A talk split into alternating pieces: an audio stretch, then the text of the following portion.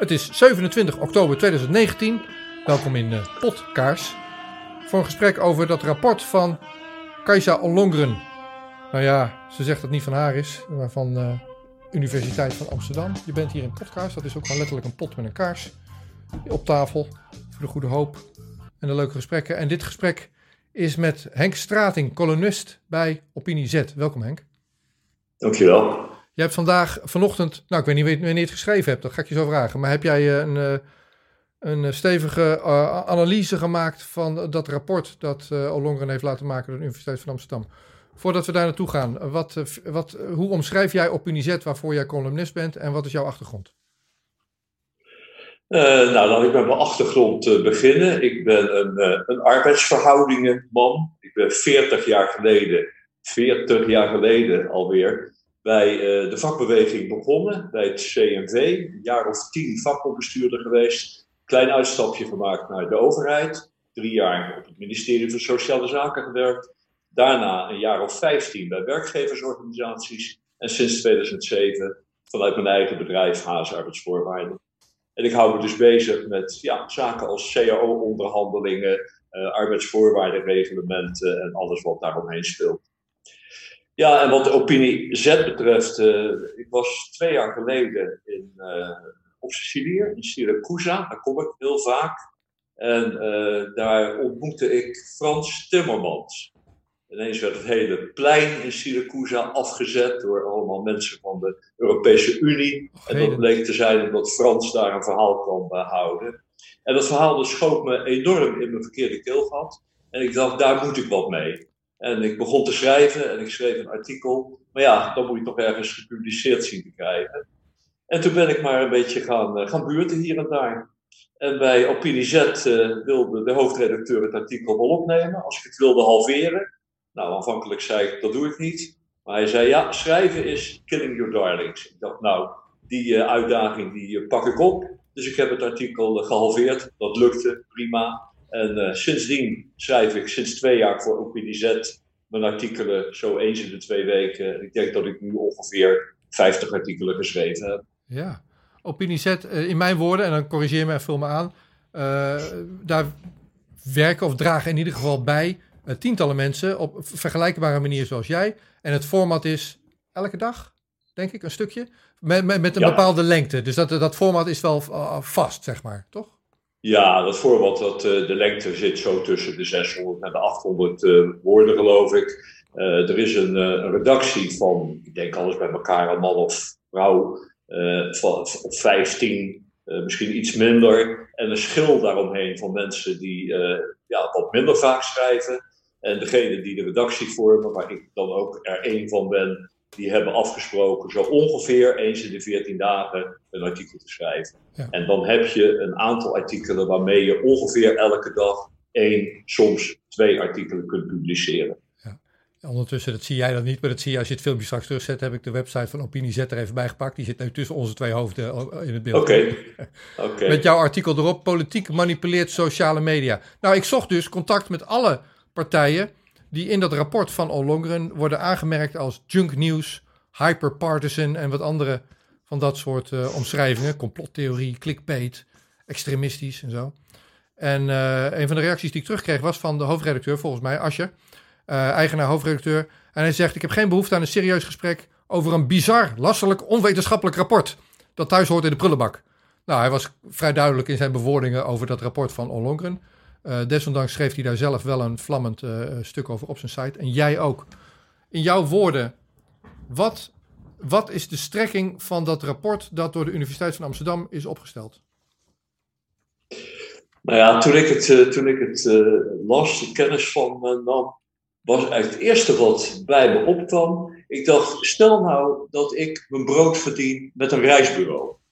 En de overheid heeft op enig moment een reden om uh, reisbureaus te laten onderzoeken. Uh, geeft een universiteit opdracht om uh, dat onderzoek uit te voeren. Die stelt zo een aantal criteria op, op basis waarvan betrouwbare en onbetrouwbare reisbureaus worden onderscheiden. En ik blijk in het rijtje onbetrouwbare reisbureaus te zijn. Niemand heeft me iets gevraagd, maar ik sta in dat rijtje. Nou, ik kan vanaf dat moment natuurlijk de deuren sluiten, want niemand kon bij mij meer een reis afnemen. Nou, dat gevoel kwam bij mij op toen ik uh, van het rapport kennis nam en de rijtjes zag waar nou ja, de opinie Z-pagina waar ik dan mijn artikelen opschrijf uh, in genoemd wordt. Ja. Nou, je, je zegt criteria, maar ik heb dat rapport niet helemaal tot de letter gelezen. Maar de criteria waarop dit gebeurt, die zijn nogal mager. Nou, dat is ook eigenlijk mijn eerste, mijn eerste kritiek. Dat uh, sites als OpinieZ uh, neergezet worden als junk nieuws. Dat is de kop die erboven staat. Ja. Maar de definitie van junk nieuws heb ik in het hele rapport eigenlijk niet aangetroffen. Wat ze doen is junk nieuws, dubbele punt. En dan komt er een hele riedel van complottheorieën, uh, dingen die bij elkaar gelogen uh, zijn, dingen die uh, tendentieus zijn, dingen die te veel één partij zouden steunen. En die hele vergaarbak, ja, dat is dan blijkbaar wat men onder junknieuws verstaat. Ja. En dan denk ik, ja, dat is junknieuws, dus gewoon onbetrouwbaar. En dat etiket onbetrouwbaar plak je dan ja, op een aantal sites. En laten dat nou toevallig sites zijn die uh, nog alles kritisch zijn over de ins en outs van het uh, kabinet. Ja, dus dat is waar we naar zoeken misschien ook van waarom staan we in het linkerstaatje of in het rechterstaatje. En dan is het linkerstaatje de mainstream media, rechterstaatje junknieuws. Uh, aan ter linkerzijde hebben deze onderzoekers menen te moeten opnemen de Telegraaf, Nu.nl, de NOS, RTL Nieuws, wat andere platformen. En bij Junk Nieuws, staat er echt, dagelijkse standaard, Stop de bankiers en ook uh, Opinie Z. Wat je hoofdredacteur ook zei in zijn stukje, en daarna gaan we naar jouw stukje, is, maar we zijn geen nieuwsplatform, we zijn een opinieplatform. En uh, wat ik bedacht toen ik dat las is, oké, hier wordt dus door de minister van Binnenlandse Zaken een opinieplatform weggezet als junk nieuws. Dus ja, met mijn beperkte begrip van dingen, de, hier wordt een set van opinies weggezet als junk opinies. Mag ik dat zo zeggen?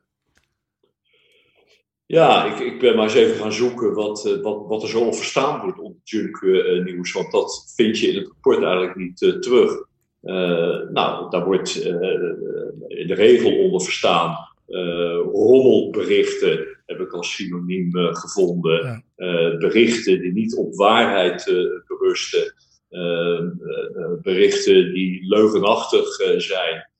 berichten die bewust mensen op de tuin leiden. Nou, ik durf niet alleen voor mezelf, de 50 artikelen die ik geschreven heb, maar ook voor de artikelen van de collega's op OpinieZ, mijn hand in het vuur te steken dat al die artikelen een serieuze, weloverwogen mening van de schrijver bevatten. En dan mag je het mee eens of mee oneens zijn, prima. Maar je kunt niet zeggen dat zo'n mening onbetrouwbaar is of naar de prullenbak verwezen zou moeten en dat is wat de onderzoekers wel doen. Ja, ja. je zegt in jouw, ehm, in jouw stuk, tenminste ik meen dat ik daaruit citeer, na kennisgeving van het rapport en de begeleidende brief van de minister moet de omgekeerde vraag gesteld worden. Waarom manipuleert de politiek de sociale media? Ja. Is dat wat hier gebeurt? Wat, wat, is jouw inschatting van de intentie van mevrouw Ollongren? Nou ja, ik moet daar natuurlijk een beetje naar, naar raden. Kijk wat, ze, wat zij doet. En, en, en dat zou naar mijn gevoel ook de eerste reactie van de Kamer uh, moeten zijn, is dat zij gewoon heel iets anders doet dan wat de Kamer van haar vraagt. De Kamer heeft van haar gevraagd onderzoek is of tijdens de komende verkiezingen, provinciale staten, Europees parlement, er beïnvloeding via social media en met name vanuit het buitenland is. Nou, die vraag die wordt ook beantwoord en die wordt met nee beantwoord. Klaar. Maar daarna gaat Ollongren met uh, het onderzoeksrapport in, uh, in de hand, ja, toch een soort aanval openen op uh, opiniesites als uh, OpinieZ. Ja, en de eerste vraag is denk ik terecht, waarom doet u dat? Ja, dus dat zou een vraag moeten zijn van de 150 mensen die wij daar in de Tweede Kamer hebben gezet. Dat is wat je zegt. Dat vind ik wel, dat vind ik wel. Waarom heeft u onderzoekers, hè, want zij is opdrachtgever van dit onderzoek. Zo staat het ook letterlijk in het, in het rapport. Waarom heeft u deze onderzoekers een andere opdracht gegeven dan wij u bij motie gevraagd hebben? Ja. ja, nou, ik weet niet of dat het geval is. Die indruk wordt wel gewekt, want deze mensen die dat rapport geschreven hebben, die geven een andere invulling aan die opdracht dan er gesteld is. Dus ze hebben die opdracht naar eigen inzicht geïnterpreteerd. Dan is de vraag, heeft Ollongren ze dat ingefluisterd of zijn ze gewoon slechte onderzoekers? Dat, dat hangt nog een beetje in het midden, zou ik maar zeggen. Maar uh, zij voegt wel degelijk dit rapport bij haar brief aan de Tweede Kamer. En daarmee is dit een stuk dat Ollongren deelt met de Tweede Kamer. En, uh, en is dat namens, namens Ollongren ook in mijn opvatting. Het, het gekke is, dat wou ik je vragen. In dat rapport staat, we hebben geen beïnvloeding van de verkiezingen gezien. Dat was de opdracht van de Tweede Kamer. We, worden onze uh, verkiezingen beïnvloed. Hebben we niet gevonden, zeggen ze. Terwijl toch in Amerika onderzoek is uh, gedaan waarin is aangetoond dat Google wel degelijk zijn zoekresultaten aanpast op basis van wat de voorkeur van een kandidaat in Amerika is. Dus ja, dit rapport lijkt zich in te zoomen op de dagelijkse standaard, stop de bankiers, Phoenix, TP, TPO, OpinieZ, zou ik maar zeggen. Maar niet op zoekmachines zoals die van Google of uh, bedrijven zoals die van Facebook. Wat, wat uh, sta je in? Nee, terwijl dat denk ik wel heel duidelijk de vraag van, van de Kamer was. Dus, dus, daar hadden de onderzoekers ja, zich helemaal op uit kunnen leven. En dat had tot een, een antwoord op die vraag van de Kamer kunnen leiden. En daar had uh, Ollok en de Kamer mee kunnen uh, beantwoorden. Ja. Maar het bijzondere is dat die vraag eigenlijk heel kort om de bocht met nee beantwoord wordt. Nou, ik zeg in mijn stuk ook, als dat inderdaad nee blijkt te zijn, als dat goed onderzocht is, dan is dat eigenlijk alleen maar geruststellend. Maar ja, als je dan vervolgens een onderzoeksrapport vol gaat schrijven met beoordelingen en waarderingen van sites als een site als OpinieZ, ja, dan ben je toch op zijn minst verplicht om aan te geven waarom je dat doet en met welk doel je dat doet. Nou, dat zegt ze wel. Haar, haar doel is eh, preventie om te voorkomen dat de desinformatie impact heeft en zich verspreidt. preventie is het Ja, maar dat is natuurlijk een hele rare redenering. Als je eerst constateert dat er geen sprake is van uh, beïnvloeding, en je gaat dan zeggen, ja, maar ik heb, ben wel een paar sites tegengekomen die misschien wel eens zouden kunnen gaan beïnvloeden. Ja, dan ben je bijna het probleem uh, zelf aan het, uh, aan, het, aan, het, aan het creëren. Ja, nou ja, dat is ook uh, wat, wat op opinie te lezen staat. Van joh, Ollongren, het is nog geen 1984. Je kan dit wel proberen, maar zo werkt het nu nog niet. je bent daar wel hard in, eigenlijk. Je zegt, het is een ja. poging tot karaktermoord op opinie Z, eigenlijk. Ja, maar kijk, mijn vergelijking met het, eh, met het reisbureau. Een reisbureau wat dus onbetrouwbaar wordt afgeschilderd. Ja, daar zullen mensen geen reizen meer aanschaffen. En ik vrees dat een opiniesite waarvan de overheid zegt dat is een onbetrouwbare site, hè, want anders kun je het woord junk toch niet uh, interpreteren. Ja, dat mensen zo'n opiniesite ook niet meer zullen willen lezen of serieus zullen willen nemen. En ja, dan tref je een opiniesite waarop mensen dus hun vrije mening geven in het hart.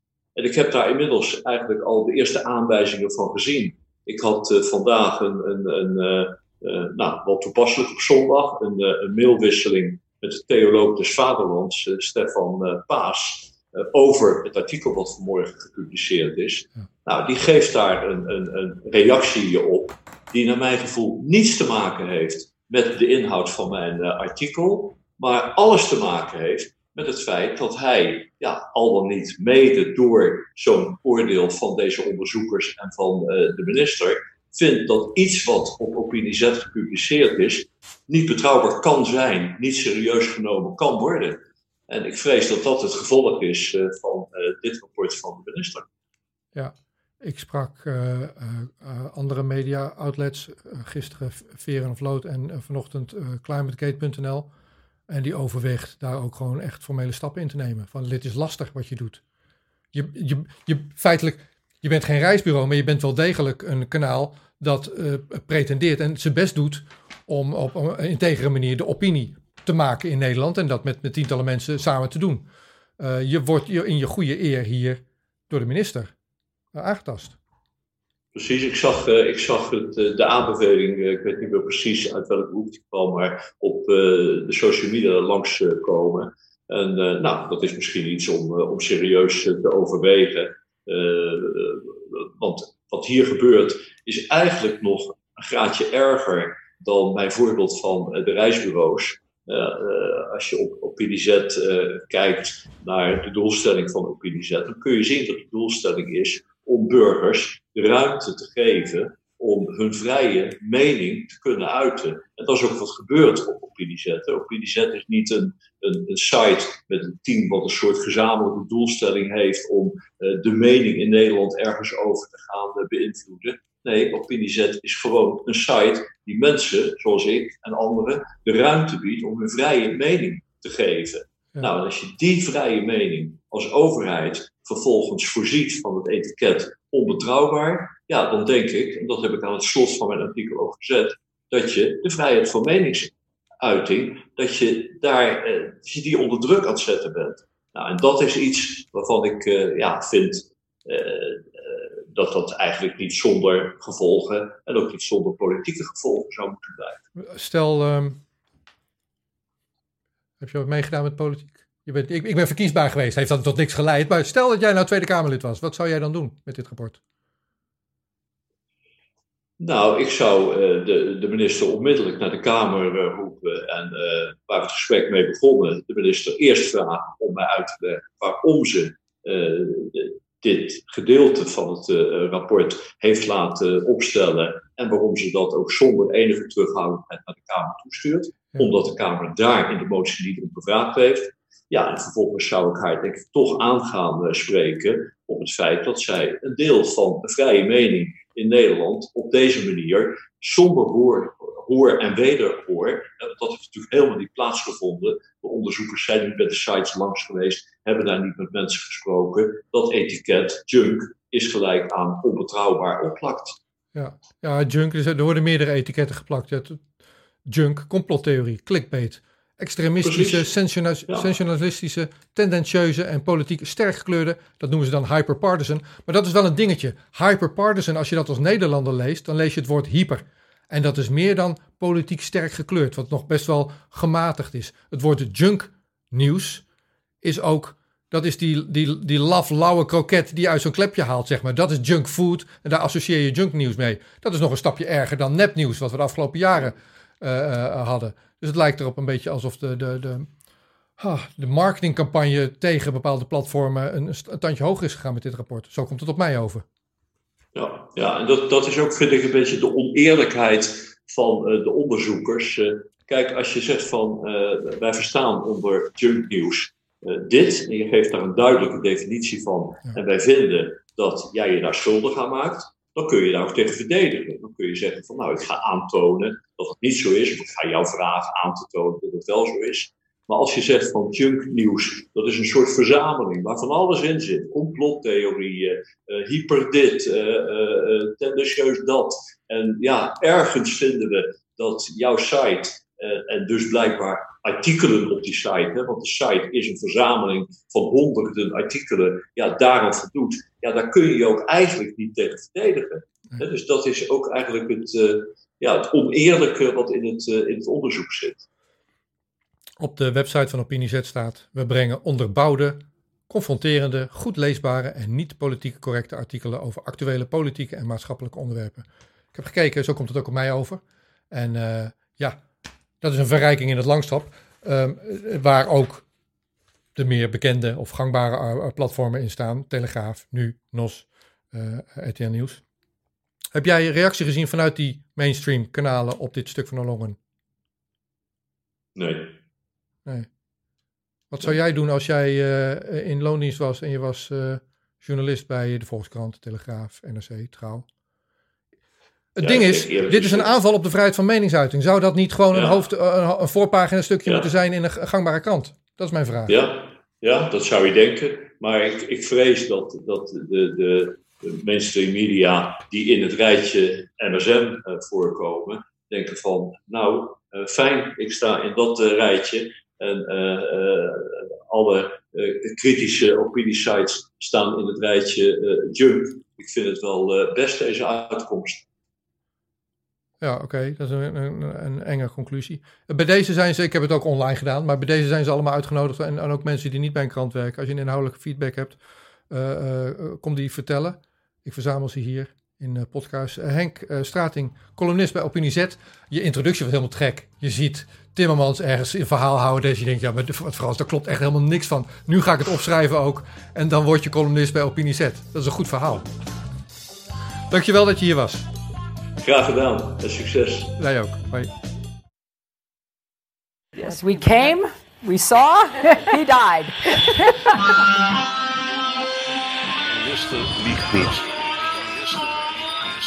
Every nation in every region now has a decision to make. Decision to make. Decision to make. You think I'm joking? Predator drones. You will never see it coming. Rook is. Rook is. Laat staan dat ik eh, kan ingaan over vuur.